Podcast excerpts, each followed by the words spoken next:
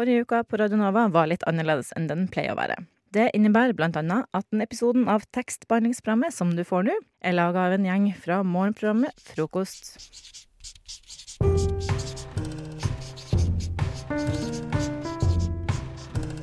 Tekstbehandlingsprogrammet.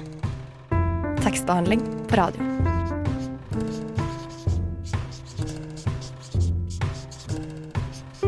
Tekstbehandlingsprogrammet.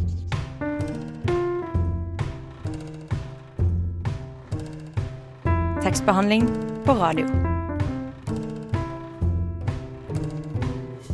Hei og velkommen til tekstbehandlingsprogrammet. Jeg er Helga, og med meg har jeg Maja. Hallo. Hei på deg, Helga. Hva skal vi finne på den neste timen? Vi skal finne på mye gøy. Eh, vi har bl.a. tanket inn to kvinnelige debutanter som begge har tema vann i tittelen sin. Og Derfor tenkte vi det var gøy å utvide og forlenge det til hele sendingen sitt tema. Og videre så har vi med oss Kristine. Et lite innslag fra Hollywood hvor hun forteller oss hvordan det er å bearbeide og jobbe med manus. Så vi får høre litt om mottakersiden av tekstbehandling. Og så har vi Hedda. Vår kjære trofaste maskot Hedda, som har vært ute og tatt tempen på befolkningen. Og forhørt seg litt om hvordan de eh, forholder seg til vann og litteratur. Og til sist så har vi også en liten anmeldelse fra en fireåring. Det stemmer. Mm, som jeg tror, jeg tror, det blir veldig hyggelig. Det tror jeg òg. Jeg gleder meg. Hyggelig å høre på. Bli med videre. Bli med videre. Ole Brumm vil ha både honning og melk. Du lytter til tekstbehandlingsprogrammet på Radio Nova.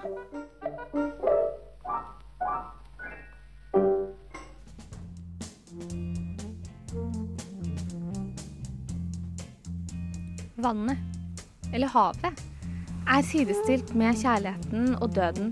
Kanskje et av de aller mest brukte bildene i litteraturen. Vi har myter om menn som bruker sitt voksne liv på å lete etter ungdomskilden, livets vann, imens deres egen ungdom ebber ut i forsøket på å unnslippe forgjengeligheten. Vi har religiøse allusjoner og messiaser som gjør vann om til vin. Vi har Virginia Woolfs Voyage Out som utforsker overklassens avmakt i møte med havet.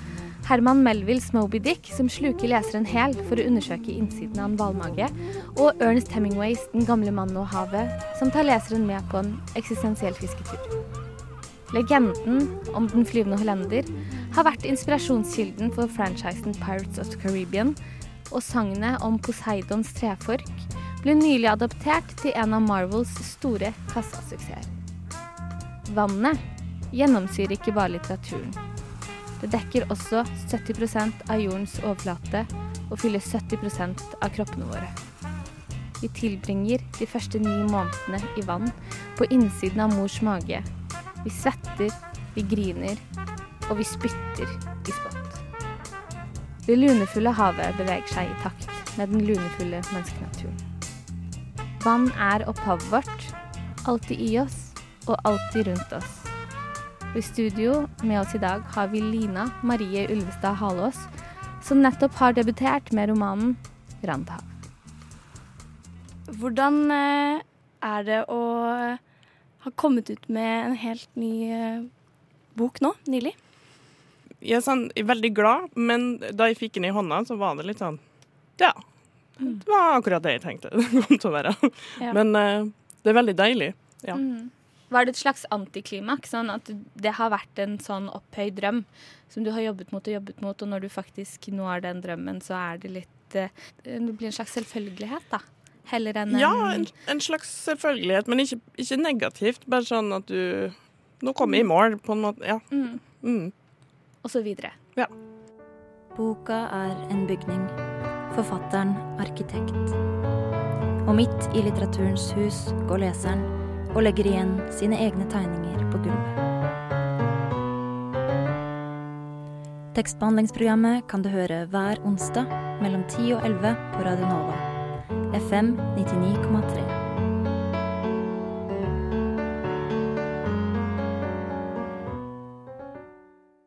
Randhav. Mhm. Hva handler den om?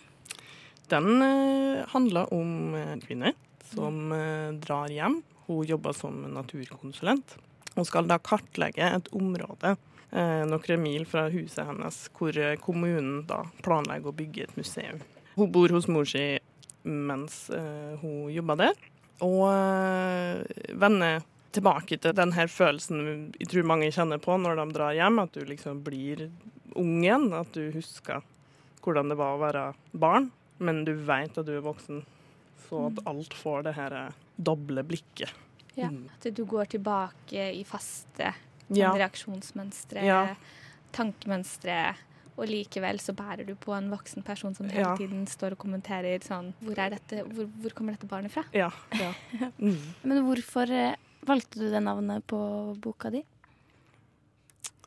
Jeg liker lyden ved det, rett og slett. Og så syns jeg jo òg det er en tittel som Det er et ord som liksom innehar så mye av innholdet at det går an å bruke det. Jeg er ofte ikke så fan av bøker med ett ord i tittelen.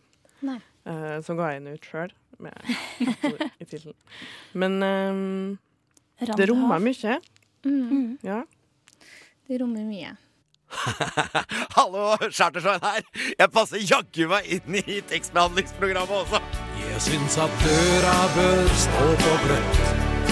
Tekstbehandlingsprogrammet holder døra oppe for alle. Lar du døra di være litt åpen. Jeg har jo litt, gjort litt eh, research på hva et randhav er. Og det er ifølge Wikipedia et havområde som ligger nær fastlandet, og det er skilt fra det åpne havet av øyer eller halvøyer. Eh, og det kan også ha sine egne byhav, som enten er innhav eller andre randhav. Og det brukes også om bukter uten en klar grense mot havet. Mm. Så det, jeg regner med at det er, et slags, eh, det er en slags metafor, dette randhavet. Det Ja. denne billedbruken av et hav som er en del av det store havet, men samtidig ganske atskilt fra det. Ja. Og så er det jo òg et randhav Det er jo et område som da har vært tørt en gang. eh, og det har sunket ned. Mm. og så ligger det rester der. Vi har jo dinosaurfossiler ute i Nordsjøen som du finner. Så det er litt sånn det som en gang var, men som er dekka til. Ja. Mm. Alt uh, blir veldig Det høres så banalt ut når du sier det på den måten, men uh, ja. Det er noe med den tanken der. Ja. Mm. At det ligger masse fossiler ja. og, og lurer. Tekst, tekst, tekst. Tekst, tekst, tekst. Tekst, tekst, tekst. tekst, tekst, tekst, tekst, Litteratur er mer enn bare ord. Tekstbehandlingsprogrammet på Radio Nova Jeg har jo òg skrevet boka i presens, ja. sjøl om det er tilbakeblikk. Og det er jo med på det har de skrevet inn for å prøve å fange den her eh, følelsen av at det alltid går i sirkel. Du klarer Mm. ikke å komme deg ut av det. Sjøl om du blir eldre, Mm. så finnes det der likevel. At minnene er, lever i deg i presens, på Ja, en måte. ja. Og at det ikke er, det er ikke minner, det er liksom minner. Sånn, Mm. Ja. ja. Mm. Mm. Og jeg leste, leste litt av en anmeldelse som eh, beskrev boken din som et slags utflytende minnearbeid. ja. Ja, Kenneth Moe.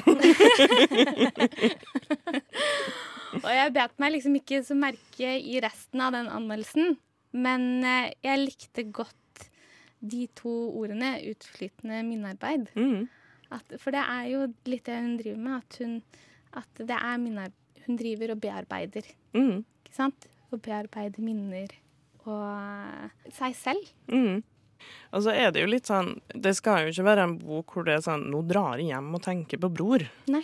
Eh, det skal være den der Nå drar jeg hjem og jeg skal jobbe, og det her er det jeg tenker på tilfeldigvis. Sånn. Ja. Mm. Så ikke tilfeldigvis, da. Men ja, at det er mer den At det blir skildra på akkurat samme måte som alt det andre blir skildra Mm. på, fordi det er like mye en del av et liv. Det svinger det av. det Oh, litteratur det svinger av. Og så putter vi noe swingmusikk. Tekstbehandlingsprogrammet på Radio Nova. Vi sitter her med Lina eh, Marie Ulvestad Halås. Eh, og du har tatt med et lite utdrag fra boken din. Mhm. Da kommer vi inn eh, når Evy er på jobb. Jeg setter meg ned på kne, finner frem en liten spade fra sekken. Torvmosen har ikke røtter. Alt den trenger av vann og næringsstoffer, tar den opp fra overflaten, fra regnet som faller ned på den. Den blir ikke skadet om den rives opp, den danner nye celler, vokser øverst, dør nederst. Jeg setter spaden ned i bakken, lener meg på den, legger vekt på den, sparer opp et stykke mose. Torven ligger under det øverste laget. Når hyttene bygges inne i dalen, hentes mosen herfra, legges på takene, brukes i lafteverket, tetter mellom stokkene og sprekkene. Jeg løfter kameraet, fokuserer, tar et bilde, legger stykket på plass. Jeg når stranden. På vei ut minner bølgene om hud holder over stranden. Jeg bøyer meg ned og løfter en stein. Tangloppene kravler i søkket under den. En liten krabbe prøver å gjemme seg i sanden. Jeg er seks år. Jeg fyller en isboks med saltvann og tar dyrene med meg hjem. I garasjen står det en gullfiskbolle som jeg fyller med vann og flytter dyrene over i. Jeg samler tang og skjell og småstein fra stranden, leser i bøkene til bror for å finne ut hva dyrene lever av. Krabbene er de vanskeligste. De dør. Jeg henter nye. Jeg begynner på skolen, springer om bord i bussen, løper over broen. Jeg skifter vann regelmessig, bytter ut tangen, henter flere dyr fra sjøen. Jeg verner om dem, kjenner de salte kornene på huden, vannet kaldere for hver gang jeg stikker hendene ned i det. Midt på vinteren finner jeg gullfiskbollen. Den står under taket ved garasjen. Jeg knuser bollen og plukker opp den solide isblokken. Inne i den kan jeg se dyrene helt stille i det blanke. Så fint. Veldig. Ja. Utrolig nydelig. Er det Og her gjør du jo det grep som du snakket om tidligere. Mm. At du snakker om minner i presens.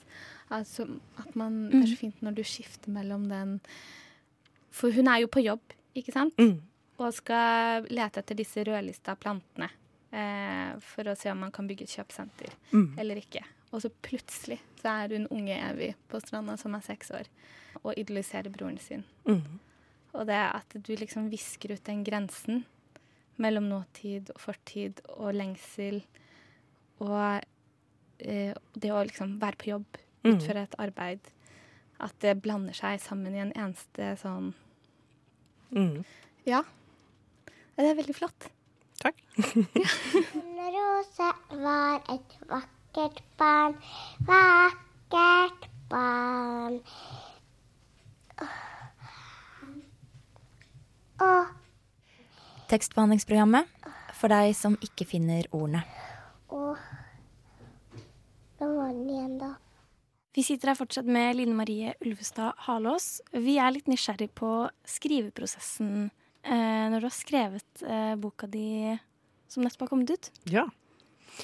Det blei jo det ble ganske sånn uh, omfattende nærlesing av meg sjøl når jeg bega meg ut på det her uh, det presens-prosjektet.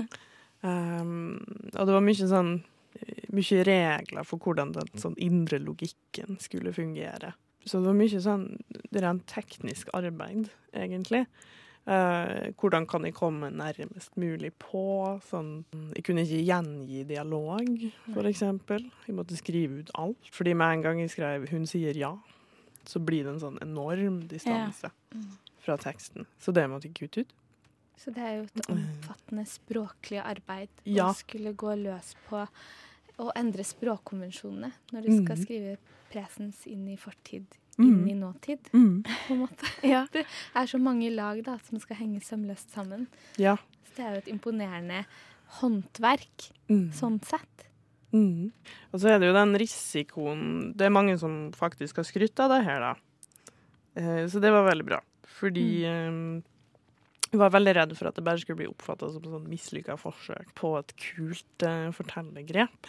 Men uh, det, Så det har vært veldig fint. Um, men det er jo den, alltid den risikoen om at det blir liksom uh, Jeg så en som uh, benytta seg av ordet upresist. Og der ble jeg litt sånn småirritert, fordi når du snakker om presist språk, Mm. så snakker du egentlig om språklig konvensjon. Yes. Du er vant til at språket beveger seg på en viss måte. Mm. Og med en gang du bryter med den strukturen, så blir du overraska, og du forventer å se noe annet, så da kaller du det u. Mm. Det er egentlig ikke det det er. Det er egentlig uvant. Må bare si at jeg syns det er rart som eh, en anmelder, som du sier, da, å bruke ordet upresist. For det er jo, hvis du ser på alle liksom, de store verkene og skiftene i eh, litteraturen når det gjelder eh, fremvoks, altså at det har vokst frem nye sjangere, Mm. det er jo Litteratur er jo i sin essens et, et spill av ord, og det å Mm. leke seg med ord. Mm. Og lage nye ordlyder, tonearter. Mm. Ja, og det da å ikke åpne for det, er jo som å motstride litteraturens evolusjon, Ja, på en måte. Ja. kan jo si det. Og tenk det, der har du jo vært en ganske sterk bidragsyter. og det er noe å ha med seg. Det er Ja. jo veldig flott. Ja. Jo, men det er spennende da, å måtte jobbe på en litt annen måte enn man er vant til både å jobbe selv og å lese. Da. Det er jo Mm. å utforske språket på en litt ny måte. Ja. Så hadde jeg lyst til å gjøre noe sånn. Eh, jeg hadde ikke bare lyst til å skrive fint. Det, Ja. Mm. Jeg hadde lyst til å gjøre noe mer. Så spennende. Tusen takk for at du kunne komme hit til oss i dag. dag. Jo, takk. Det har vært veldig fint å prate med deg. Det var fint å prate med dere. Tekstbehandlingsprogrammet for deg som liker esler. Så er det helt normalt. Hva mener egentlig den vanlige mann og kvinne på gata om havet, sjøen, kjærligheten og litteraturen? Vel, jeg dro ut i Oslos gate for å finne ut av akkurat dette. Og det var det her jeg fant.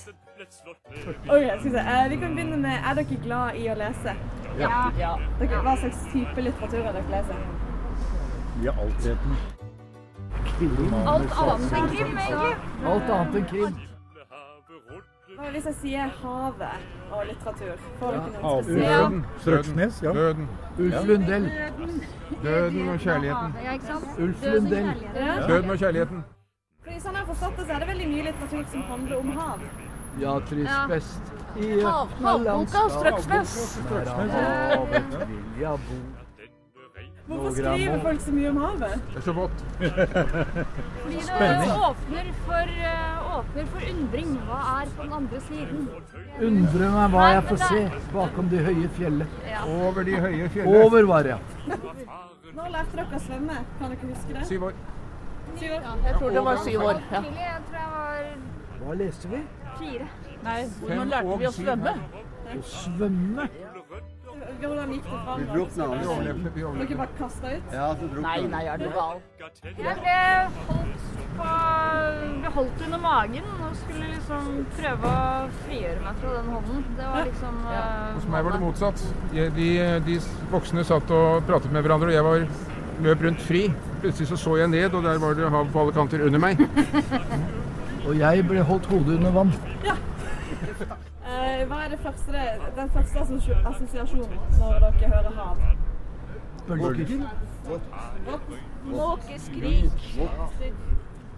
Ja, bølger og måker. Jeg hater måker. Ja.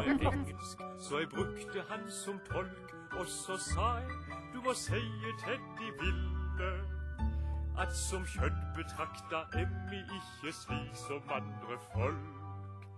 Vi er ei blanding ut av hai og krokodille. Hallo, Chartersveien her. Jeg passer jaggu meg inn i tekstbehandlingsprogrammet også. Jeg syns at døra bør stå på gløtt. Tekstbehandlingsprogrammet holder døra oppe for alle. Lar du døra di være Det er ofte forfatterens virke som får mye oppmerksomhet i diskursen rundt tekstbehandling. Men i arbeid med tekst er mottakerens side minst like viktig. Ise Wolfgang mente at teksten ikke blir skapt før den blir lest, og Hans Georg Gadamer sa en gang at samtalen er fortolkningens grunnform, og at tekstens sannhet ligger i den enheten man kan finne gjennom dialog. en forhandling mellom leser og tekst som sådan. Manusteksten kan derfor sies å være et litteraturens elvedelta, hvor dialogen renner ut i verden og tar ny form. Min tidligere ungdomsskolevenninne Kristine Frøseth er en up and coming skuespillerinne bosatt i New York. Du har kanskje sett henne i filmer som Sierra Burgess Is a Loser og Apostle på Netflix. Som skuespiller tolker og behandler hun tekst på heltid. Det synes jeg er interessant, så jeg inviterte Kristine en tur med i roboten min for å snakke om hennes tolkningsprosess. So, how do you start the process of breaking down a script? I don't really have just one sort of way of breaking down a script when I first get it. It kind of always depends on my connection to the story or the character. You know, if, if I'm getting a script where, you know, I'm reading it for the first time with no idea of what it's about and I'm going through it and it's just resonating with me on a different level, then my process of, you know, understanding the character is kind of, that's already been taken care of. I kind of already have that connection and I don't need to go through all the steps and research and, and all that stuff that I would do otherwise. Whereas if I don't fully feel connected to the character, what I usually do is I reread it looking at usually, you know, I try and gather as much information about their past, about the people they have surrounding them, their families, you know, what they like to do, uh, what they listen to. I like to just create kind of a whole backstory so I can I can always have something to rely on if, if needed further. And yeah, I, I try and usually go back if there's if there's a part in a scene that kind of doesn't feel right to me, I try and substitute it with my own life or my own language and see how that works out. So it's kind of more mixed than just this one straight version of it, but it really depends. It always depends. And mu- how like how much do you weigh each word when it comes to translating the script from a readable format into a character? Regarding the connection to the words, sometimes I can be reading a paragraph or just one line, one word, one stage direction, something within the script that just can make me tear up, that has a full on connection to maybe what I'm going through in my own personal life, or, you know, someone that's close to me I know is going through the same thing. It's like it's all about, you know, where it hits you, where it really resonates. Yeah, yeah, definitely. Um, and I also wonder, is uh, using your body a big part of the interpretation process?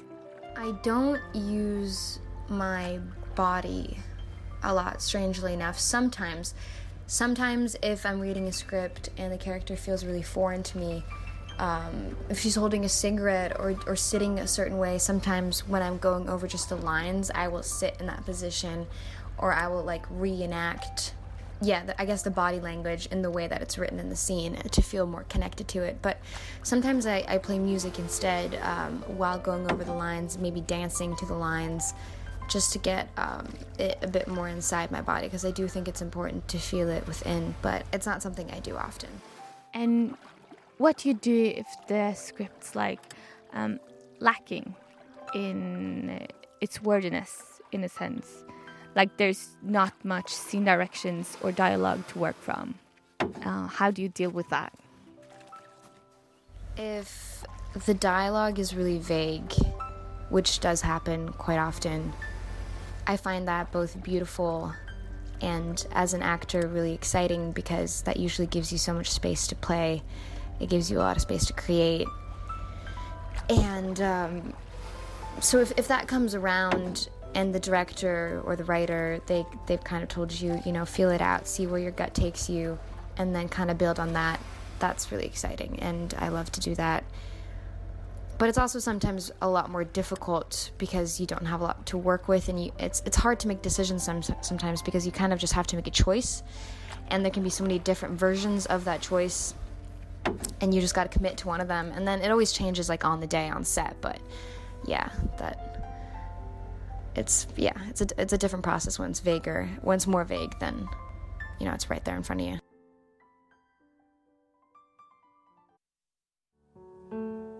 Boka er en bygning. Forfatteren arkitekt. Og midt i litteraturens hus går leseren og legger igjen sine egne tegninger på gulvet. Tekstbehandlingsprogrammet kan du høre hver onsdag mellom 10 og 11 på Radio Nova. Vi sitter her med Kaja Kvernbakken, som nylig har debutert med boken 'Lukten av klor'. Velkommen hit, Kaja. Tusen takk. Kaja Kvernbakkens roman 'Lukten av klor' introduserer oss for et flytende univers. Et univers som handler om 17 år gamle Minas påbegynnende både svømme- og ungdomskarriere i en hverdagsverden som får eh, grensene sine visket ut. Det er en slags dannelsesreise i et avgrenset hav. Et lukka, men dynamisk rom. En svømmehall. Og den balanserer det strenge, eh, disiplinerte, rutinemessige regimet som kreves for å bli en proff svømmer, og det å bevege seg ut og bort, flyte og sveve. Akkurat slik utferdstrang, ansvar og lengten etter frihet balanseres i skjæringspunktet mellom ung og ung voksen. Og Kaja, du snakker om at fortellerstemmen tok med deg inn i et univers, og at du bare måtte svømme etter. Kan du fortelle litt mer om det, om du tror det var noen spesiell grunn til at det universet som liksom hanket deg inn, eh, kretser rundt om og i elementet vann? Mm. Ja, jeg Jeg drev aktivt med svømming selv da jeg var barn. Mm. Mm. Så bassenget og svømmingen er på en måte veldig kjente universet for meg. Um, veldig trygge steder å være. Uh, jeg er veldig glad i vann, veldig glad i basseng. Uh, kanskje mer enn jeg er i, i sjø og innsjøer. Men da jeg um, begynte på det som skulle bli denne romanen, så var det en veldig tydelig stemme for meg. Som var, hun var redd for faren sin Mm. og redd for broren sin. På forskjellig vis. Hun var eh, redd for farens uforutsigbarhet. Og så var hun redd for, hva det skulle gjøre med broren. Um, det var veldig tydelig for meg. Og så var det veldig tydelig for meg at hun svømte. Hun gikk og gjemte seg i bassenget. Det var der hun var fri. Um, hun For meg så er Mina en karakter som føler at hun ikke hører hjemme noe sted. Hun hører ikke hjemme i sin egen familie, som består da bare to andre personer. Det er faren hennes og broren hennes. Um, fordi de to, faren og broren, er et så lukka rom. Det er ikke Mm. plass til Mina der. Hun hører ikke hjemme på skolen, selv om vi aldri på en måte møter henne i en skolesituasjon. Um, hun er flyttet til dette tettstedet hvor de bor, kom, kommer langveis fra. Um, og hun hadde med seg, da hun flyttet eh, til det tettstedet hvor de bor, så hadde hun med seg svømmingen i bagasjen. Så for henne så var det det eneste og det tryggeste stedet hun kunne være. Og der får hun være i fred. Hun kan være bare kropp. Eh, trenger ikke å forholde seg til tankene sine, og trenger ikke å forholde seg til de som vil på en måte ha henne eller ikke inkluderer henne i livene sine. Eh, Og språket ditt er jo også veldig stilistisk og veldig sånn terpete på liksom akkurat eh, selve bassengmiljøet. Rundt selve bassengmiljøet. Og føler du at det um, reflekterer på en måte At språket i romanen reflekterer den derre hangen Mina har til å holde fast ved noe. Så hun holdes fast i bassenget, har no, noe håndfast der, og du sørger for det ved å holde romanen litt fast i språket også. Mm. Jeg tror ja. Eh, og på to, på to måter. Mm. Eh, på den ene siden fordi svømming er så repetitivt. Alle Mm. som har trent svømming selv bare på skolen, vet jo det, at det er bare lengde etter lengde. Og den lengden er jo ikke Selv om bassenget kan være 12,5 meter eller 25 meter eller 50 meter, så er en lengde begrenset. Mm. Sånn at du på et eller annet tidspunkt så må du snu. Mm. Og da er det det samme en gang til. Og da er det samme en gang til og en gang til og en gang til. Mm. Og sånn er det også litt i boken. Selv om det er en tydelig bevegelse framover, at det skjer noe, så er det mye Det er mye gjentakelser. Det er mange av de samme bildene som kommer igjen og igjen.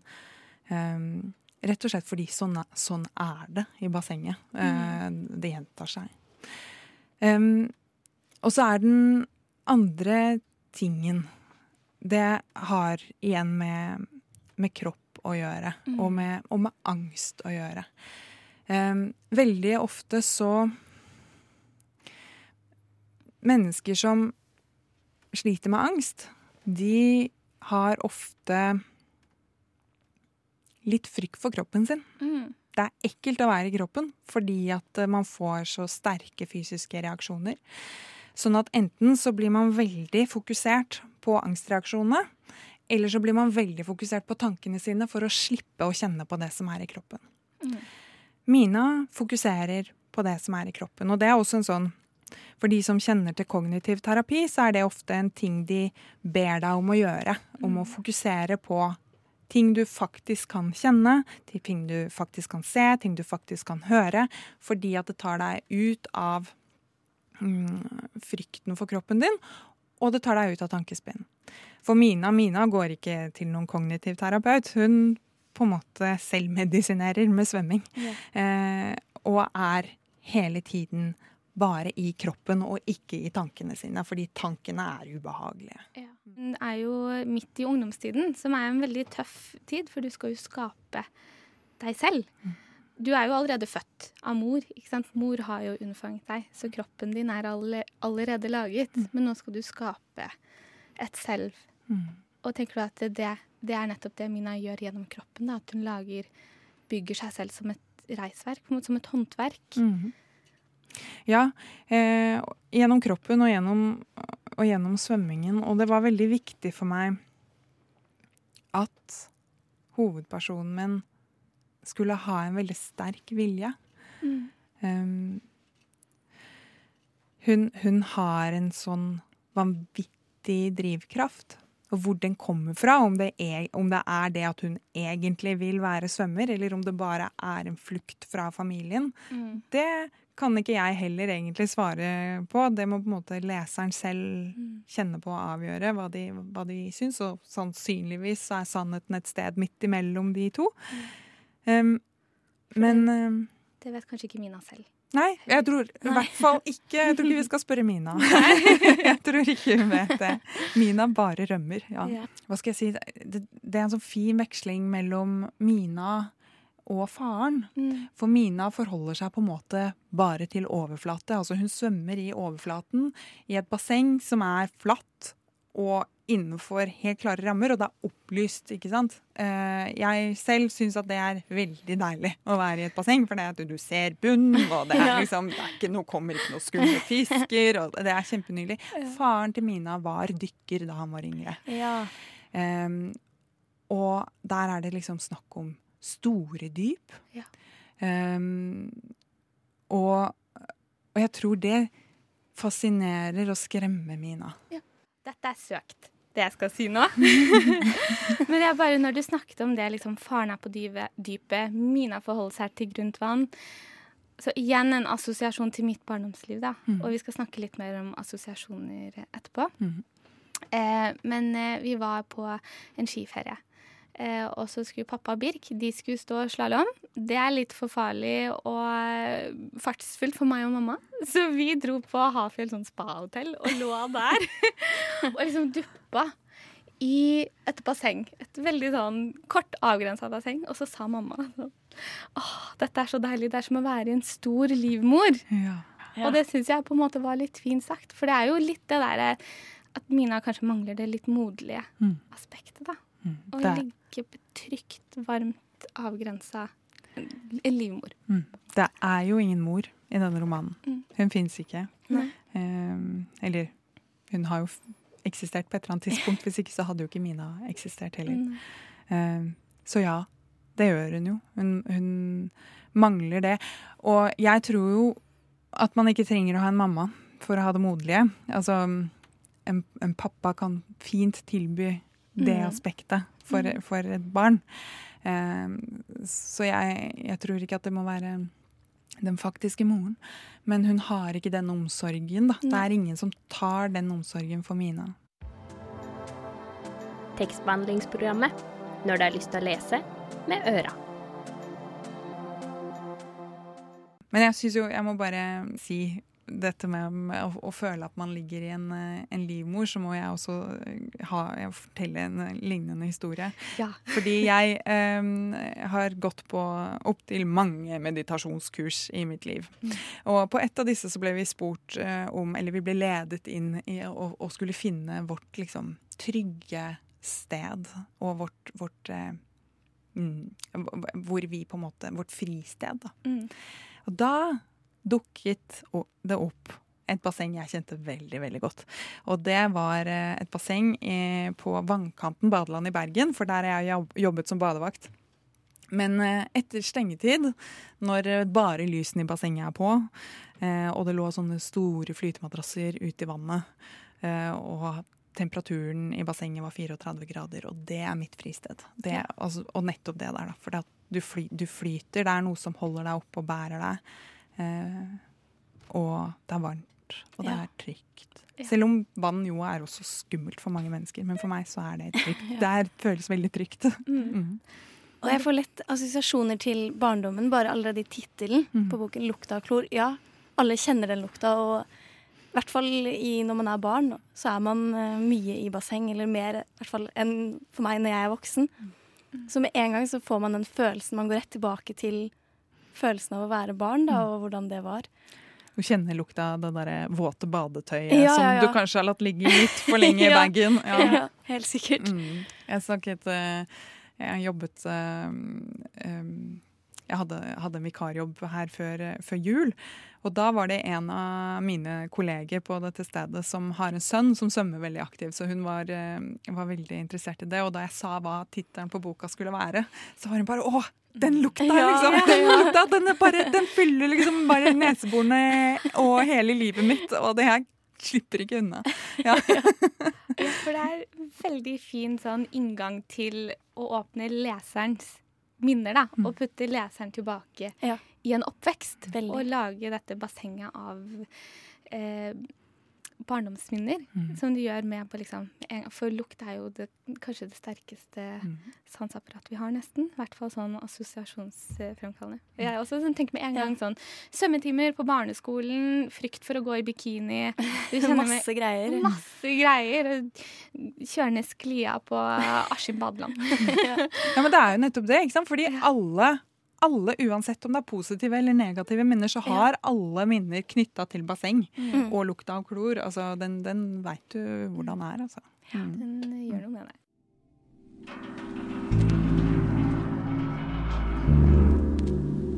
Tekstbehandlingsprogrammet på Radio Nova.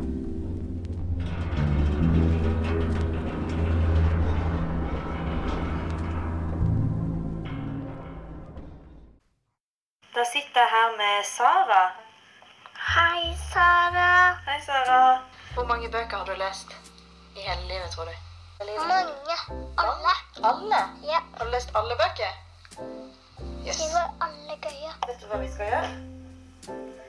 Vi skal lage noe som heter et bokanmeldelse. For den boka. Mhm. Og Hvilken bok er dette? Boken om Bruse. Ja. Den er bra. Hvilken Bukkene Bruse er det? Om Bruse på badeland. På badeland. Bare vi skal lese den. OK.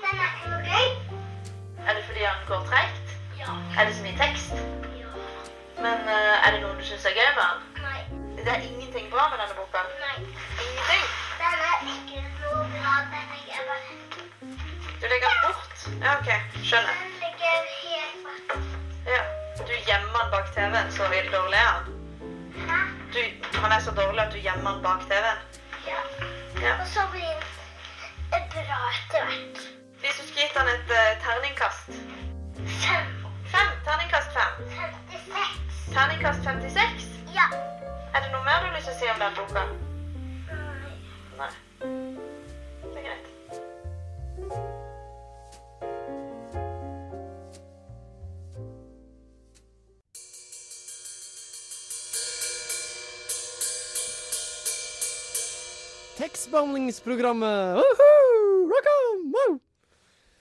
På Radio Nova. Vi er fortsatt, eh, sitter fortsatt i studio med Kaja Kvernbakken. Og du skal nå få lov til å lese et lite utdrag fra boka di 'Lukta av klor'.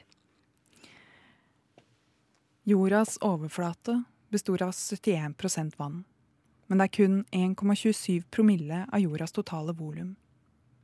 Det største havdypet er i Challenger-dypet i Marianergropen. 11 034 meter under havoverflata. Det har vært folk helt der nede, i bunnen av Marianergropen. Det dypeste pappa har vært på, er 164 meter. Gjennomsnittsdybden i Nordsjøen er på 94. På det dypeste er det ca. 400, men i den sørlige delen er det så grunt som 50. Under forrige istid var den delen av Nordsjøen over vann. Doggerland kalles det, eller no Nordsjøfastlandet. Da isen trakk seg tilbake, økte vannstanden. Det norske fastlandet hevet seg, og Doggerland sank. For rundt 8000 år siden forsvant det helt i havet. I dag hender det at trålere får med seg menneskeskapte redskaper eller bein fra landlevende dyr som har ligget der nede siden den gang. Fint. Om eh, havet og Og de store Og de dypene. ja. Ja. Store dypene. I, havet og i oss. Mm.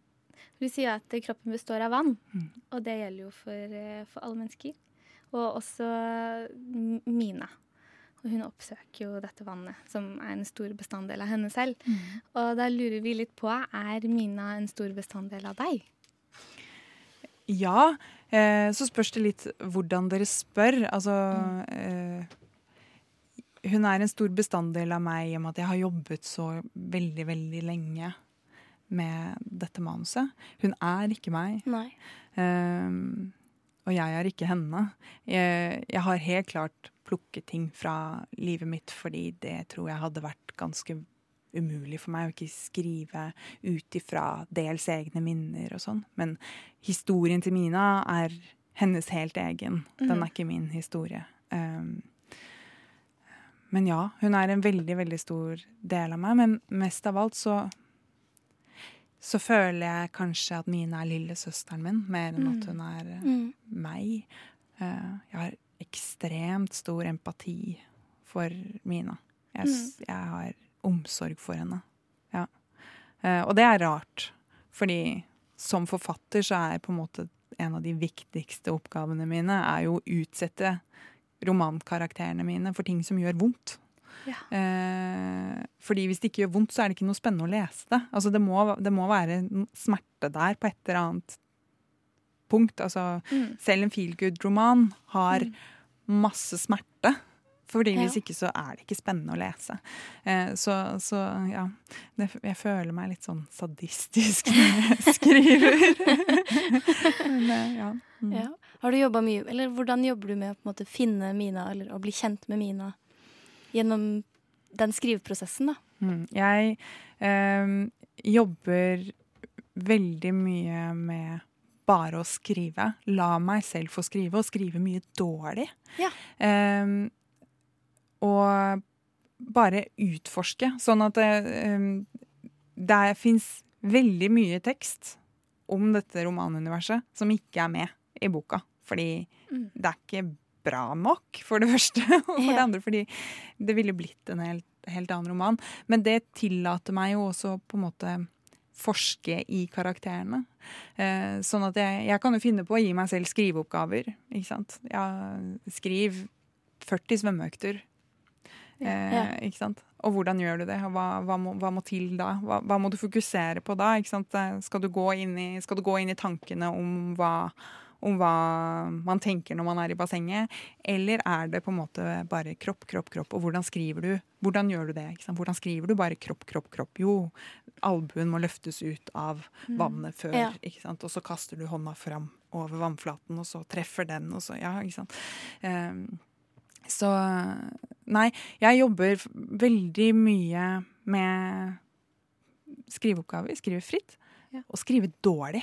Eh, jeg, jeg har en sånn greie gående på, på i livet mitt generelt sett, men, men mye på Instagram. For jeg har en aktiv konto på Instagram eh, hvor jeg skriver også mye om min egen skriveprosess. Og der har jeg et konsept som jeg kaller for 1000 dårlige ord. Så jeg prøver stort sett hver dag eh, å skrive 1000 dårlige ord.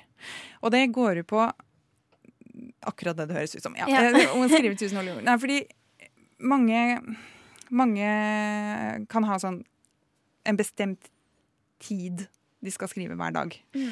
Eh, eller mange kan ha et bestemt antall ord de skal skrive hver dag.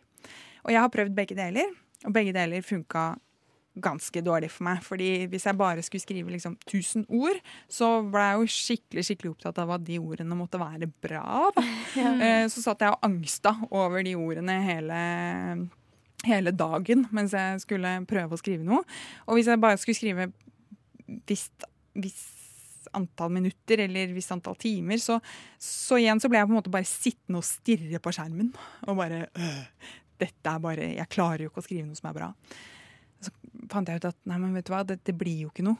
Hvis ikke, hvis ikke du faktisk skriver, så blir det ikke noe. Så du må bare skrive noe som er dårlig. Og det er mye bedre å ha tekst, og så kan jeg jobbe med den sånn at den gradvis blir bedre, mm. enn at jeg på en måte skal ha noe som er perfekt fra førsteutkastet. Da, for det fins jo ikke. Det går jo ikke an. Nei. Så du, er, du har hørt det uttrykket at du må legge inn 10 000 timer eh, Liksom den teorien da, om at Ja. du må legge inn 10 000 timer før du blir god i noe. Mm. Og det er på en måte det du gjør. Ja.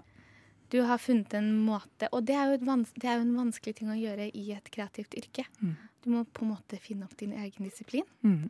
Ira Glass um, har snakket om dette her. Dette, um, nå husker jeg ikke sitatet, men han har snakket om um, hvordan alle mennesker som ønsker å utøve noe, altså Mm. som, som kunstnere eller fagpersoner eller i- i det hele tatt, de har et, de har et problem. Det er gap. Det er, det er mellomrom mellom det du er i stand til å gjøre, Mm. og det du syns er bra. Fordi ofte da, som, som kunstner, så har du gjerne som forfatter, så har jeg jo lest ekstremt mange bøker, og jeg veit hva jeg syns er bra.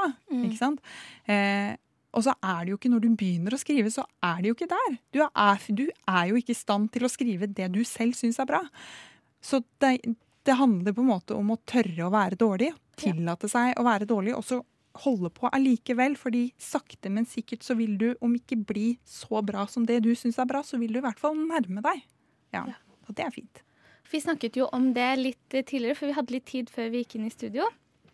Og det er en litt sånn hjertesak for deg, det at den, du må ha litt lavterskel på det å faktisk Du må drepe egoet ditt litt, da. Mm. For å faktisk eh, nå et mål. Mm. Saken må bli større enn ditt eget ego. Ja, saken, ja, det er en måte å se det på, at saken må bli større enn ditt eget ego.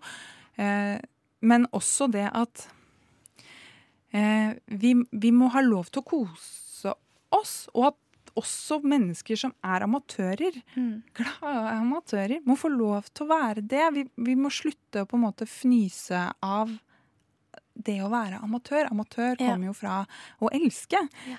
det er fordi man elsker noe, og jeg elsker å skrive. Jeg syns det er helt fantastisk.